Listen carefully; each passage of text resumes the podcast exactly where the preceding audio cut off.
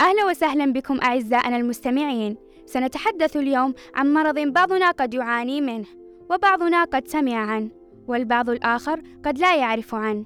وسنقدم لكم أيضا معلومات عدة عن مرض السيلياك ما هو وكيف يتم التعامل معه وما هي طريقة علاجه. سيتم تقديم معلومات الحلقة عن طريق خبراء من جمعية السيلياك. كما نأمل أن تعود حلقتنا المقدمة عليكم بفوائد مثمرة ومزهرة بإذن الله. نرحب بضيف حلقتنا الكريم لهذا اليوم الأستاذ وليد آل صبحان. أهلا وسهلا أستاذ وليد حياك الله في حلقتنا لهذا اليوم. الله يحييكم وسعدت باستضافتكم لي معكم أخصائي التثقيف الصحي وليد الصبحان من جمعية السيرياك أهلا وسهلا. آه، أستاذ وليد حابين نعرف عن المرض بشكل أكثر؟ طيب آه، مرض السيلياك باختصار هو ما يسمى أيضا حساسية القمح المعوي. طبعا هو مرض مناعي يصيب بعض الأشخاص نتيجة تحسس الأمعاء الدقيقة من أي أكل يحتوي على مادة الجلوتين. طبعا آه، المرض هذا هذا يصيب الأشخاص الذين لديهم استعداد جيني. أيضا يجب التنويه أن المرض هذا غير وراثي. تمام؟ طبعا ينتج عن هذا التحسس تحطيم في الطبقة الداخلية للأمعاء الدقيقة أو ما تسمى بالطبقة المخاطية. وهي آه، فيها شعيرات هذه الطبقة. الشعيرات هذه هي المسؤولة عن امتصاص المواد الغذائية. تمام. في حالة السيلياك آه، الجهاز المناعي يهاجم آه، الطبقة هذه ويضر الشعيرات اللي هي مسؤولة عن الامتصاص. طبعا يسبب أعراض في الجهاز الهضمي و طبعا حتى خارج الجهاز الهضمي ممكن يسبب أعراض مضاعفات. آه، طبعا يعالج باتباع حمية خالية من الجلوتين. الجلوتين هذا طبعا بروتين يوجد في الشعير في ال في ال في القمح في في الشيدم وال يسمونه الشيقم أيضا. وبرضه في الشوفان الغير نقي لأن غالبا الشوفان يكون فيه تلوث يصير فيه تلوث. فهذه الأشياء يجب آه، تجنبها. طيب أستاذ وليد آه، إيش تتوقع سبب تسمية هذا المرض؟ السلياك طبعا له مسميات مختلفة. آه، السلياك زي ما تقولين ترجمته عندنا اللي هي حساسية القمح المعوي. طبعا كثير يخلط بين حساسية القمح وحساسية والسلياك. فالأفضل يسمى حساسية القمح المعوي. آه، جميل. أستاذ وليد بما أنه داخل الجسم وهو في الجهاز الهضمي أتوقع أنه غير معدي. هل هو صحيح؟ نعم غير معدي. هو مرض مناعي. تمام. آه، أستاذ وليد حابين نعرف إلى ماذا تهدف جمعية السلياك؟ طبعا آه، تهدف جمعية السلياك يعني باختصار إلى تعزيز صحة المصابين بالسلياك تعزيزها وتوفير آه، ورفع جودة الحياة بالنسبة لهم جميل طب من هم مؤسسين هذه الجمعية؟ بالنسبة للمؤسسين كثير منهم الآن في أعضاء مجلس الإدارة فما نقدر نحصرهم في مؤسس واحد وهم كثر يعني لكن آه، رئيس مجلس الإدارة والمؤسس الأكبر يعني هي صاحبة السمو الملكة الأميرة مشاعل بنت محمد آل سعود. وأيضا في أيضا أعضاء مؤسسين آه، ثانيين لكنهم يعني كثر وما أقدر أحصرهم الآن في البودكاست لكن ممكن تطلعون عليها في موقع جمعية السرياك. إن شاء الله أكيد. أه طب هل هي هذه الجمعية قديمة أو جديدة؟ يعني متى تأسست؟ أه تأسست الجمعية عام 2018 آه، بتدشين أمير منطقة الرياض صاحب آه، سمو الملكي الأمير آه، فيصل بن بندر آل سعود. تمام. أه طيب كيف استلهمتوا تأسيسكم لهذه الجمعية؟ طبعا تأسيس الجمعية بداية الجمعية كانت عبارة عن فرق تطوعية. فرق تطوعية كانوا مهتمين بالسلياك. كثير منهم كانوا أصلا مصابين بالسلياك أو ذوي مصابين آه، بالسلياك فكانوا يعني مسوين آه، مجموعة يحاولون يثقفون المجتمع عن السلياك يحاولون يخدمون مصابين السلياك لكن واجهوا آه، زي ما تقولين بعض الصعوبات. إذا مثلا بغوا يقيمون برامج بغوا يقيمون خدمات لمصابين السلياك بما أنهم فقط فرق تطوعية فلازم تكون تحت مظلة مؤسسة. فهنا بدأت فكرة تأسيس الجمعية. فطرحوا الفكرة هذه لصاحبة سمو الملك الأميرة مشاعل آه، بنت محمد آل سعود وتبنت الفكرة هذه ومن هنا بدأ تأسيس الجمعية. ما شاء الله يعطيكم العافية وقواكم الله. آه طيب أستاذ وليد حابين نعرف إذا هذا المرض تاريخي أو مستحدث؟ آه المرض هذا طبعا هو موجود من زمان يعني لكن تقريبا بدأ تعريفه في القرن أو زي ما تقولين تشخيصه بشكل دقيق ومعرفته آه، في القرن ال 19 لكن بداية ظهوره هو ظاهر يعني من زمان من تقريبا من يعني حتى في حالة اكتشفوها الأركيولوجيين في من سنة واحد إلى مئة ميلادي. وجدوا أحفورة المرأة عمرها من 18 إلى 20 سنة. آه، وجدوا فيها آثار آه، مرض السيلياك. كان عندها الأمعاء الدقيقة محطمة. أيضا وجدوا فيها جين اللي هو المتعلق بالسيلياك اللي هو HLA-DQ2 فيتضح حتى أكثر من حالة موجودة آه، يعني من زمان زي كذا وجدوها في الأحافير. فيتضح أن المرض هذا أصلا موجود من زمان. آه طيب أستاذ وليد حابين نعرف وش الاختلاف بين مصاب بداء السلاك ومصاب بحساسية القمح؟ طيب آه في البداية نبي نعرف حساسية القمح. حساسية القمح تنجم عن اعتقاد الجهاز المناعي بأن البروتينات في القمح أجسام غريبة عنها وأنها يعني مثل الفيروسات والبكتيريا. فيقوم الجهاز المناعي بإنتاج آه، أجسام مضادة تسمى اي جي اي واي جي جي طبعا مما يؤدي رد فعل مناعي وتحدث أعراض للشخص اللي عنده حساسية القمح إذا تناول القمح مثل الاستفراغ الإسهال أكرمكم الله ألام في البطن طفح جلدي آه، بعضهم حتى يصاب بكتمة في النفس مباشرة بعد أكل أي مادة تحتوي على القمح. بينما السيلياك والأعراض آه، ممكن برضو تحدث يعني على طول ممكن تحدث بعد أسابيع من أكلهم شيء في الجلوتين ممكن تحدث بعد أشهر.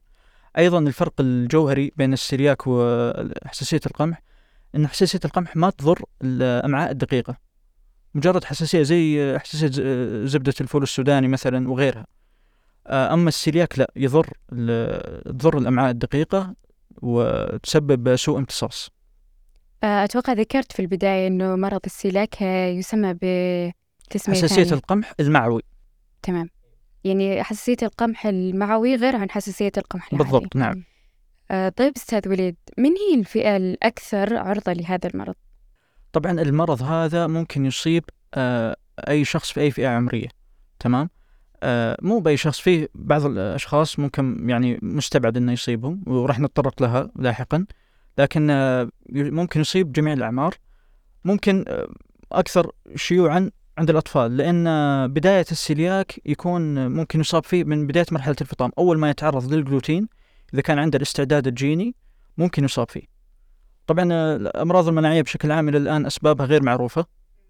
لكن تمام. طب ممكن نقول أن الناس اللي عندها مناعة شوي قليلة أو مناعتهم مو مرة قوية ممكن يكون إقبال المرض عليهم أكثر؟ آه لا. لأن المرض أساسا جاي من المناعة. فبالعكس ممكن إذا كانت قوية ممكن يكون أكثر إذا كانوا يعني عنده استعداد. طيب أستاذ وليد الآن إحنا عرفنا إيش هو المرض ومن وين يجي. حابين نعرف كيف يتم تشخيص الإصابة الناس المصابة بهذا المرض؟ طبعا مرض السيلياك يعني تشخيصه صعب لكن بشكل عام السيلياك آه، يشخصه اللي هو الطبيب الاستشاري المختص بالجهاز الهضمي. هو المخول بأنه يشخص السيلياك. آه يتم تشخيصه عن طريق تحليل الأجسام المضادة. في حال كانت كان تحليل الأجسام المضادة إيجابي آه يتم أخذ خزعة من الأمعاء الدقيقة لتأكيد التشخيص. طيب نسبة شفاء عالية ولا لا؟ آه ما له علاج إلا العلاج هو أن الشخص يلتزم بحمية آه، حمية خالية من الجلوتين. لكن علاج آه، كذا ياخذ لا إلى الآن ما فيه في دراسات لكن إلى الآن ما في. آه طيب أستاذ وليد هل في ممكن أن يصير مضاعفات للمصاب؟ نعم في حال عدم الالتزام بالحمية ممكن تسبب مضاعفات في الجهاز الهضمي وخارج الجهاز الهضمي. طيب حابين نعرف أستاذ وليد كيف يمدينا نرشد المصاب باختيار الأطعمة اللي خالية على مادة الجلوتين؟ طبعا هذه من أهم الأشياء وهنا يكمن دور أخصائي التغذية في في مساندة مصابين السلياك يجب تثقيفهم عن الأطعمة التي تحتوي على مادة الجلوتين ليتجنبوها. أيضا رسم خطة غذائية وبرنامج غذائي يمشي عليه مصاب السلياك بحيث أنه يتجنب أكل أي شيء فيه, فيه جلوتين. طبعا منتجات القمح منتجات الشعير آه هذه الأشياء لازم يبعد عنها لأنها دائما تكون فيها جلوتين. طيب هذه المادة هل هي موجودة في كل الأكل في كل الأطعمة؟ لا لا لا. غ- غير موجودة في جميع الأطعمة. هي موجودة في منتجات الشعير وال وال- والقمح والشيقم وال والشيلم أيضا. آه، تمام أستاذ وليد. لو لا سمح الله هذا المريض أكل هذه الأشياء اللي هو ممنوع عنها وما التزم بهذه الحمية لأي سبب كان. إيش الإجراء اللي ممكن يسويه عشان يتفادى المضاعفات اللي ممكن تصير لا سمح الله آه، في حال آه، مصاب السلياك أكل آه، شيء فيه جلوتين أو أصاب بتلوث جلوتين هنا في إجراءات معينة يشرب موية بشكل بشكل كبير أيضا يرتاح يح- يحاول أنه يرتاح ويريح نفسه برضو في ال- الزبادي بياكل زبادي لأن فيها بعد ما بكتيريا ياكل نافعة. على طول؟ بعد ما ياكل الأشياء الممنوع عنها على طول؟ أيوة بعد ما ياكل الأشياء الممنوعة يتخذ هذه الإجراءات.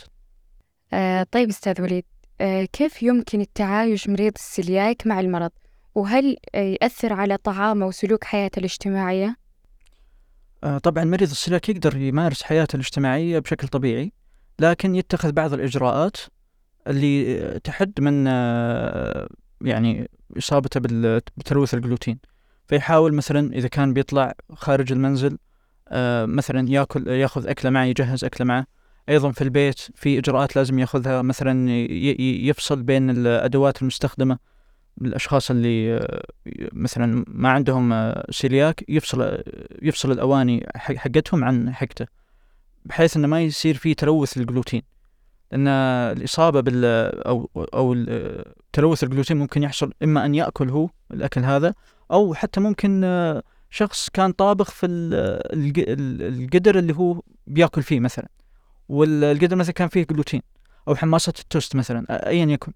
فهنا لازم يصير في تلوث حتى لو الأكلة نفسها ما فيها جلوتين فعشان كذا لازم إنه يفصل آه، أواني الطبخ والمطبخ أيضا الملاعق السكاكين الأشياء هذه يفصلها عن ال- الآخرين.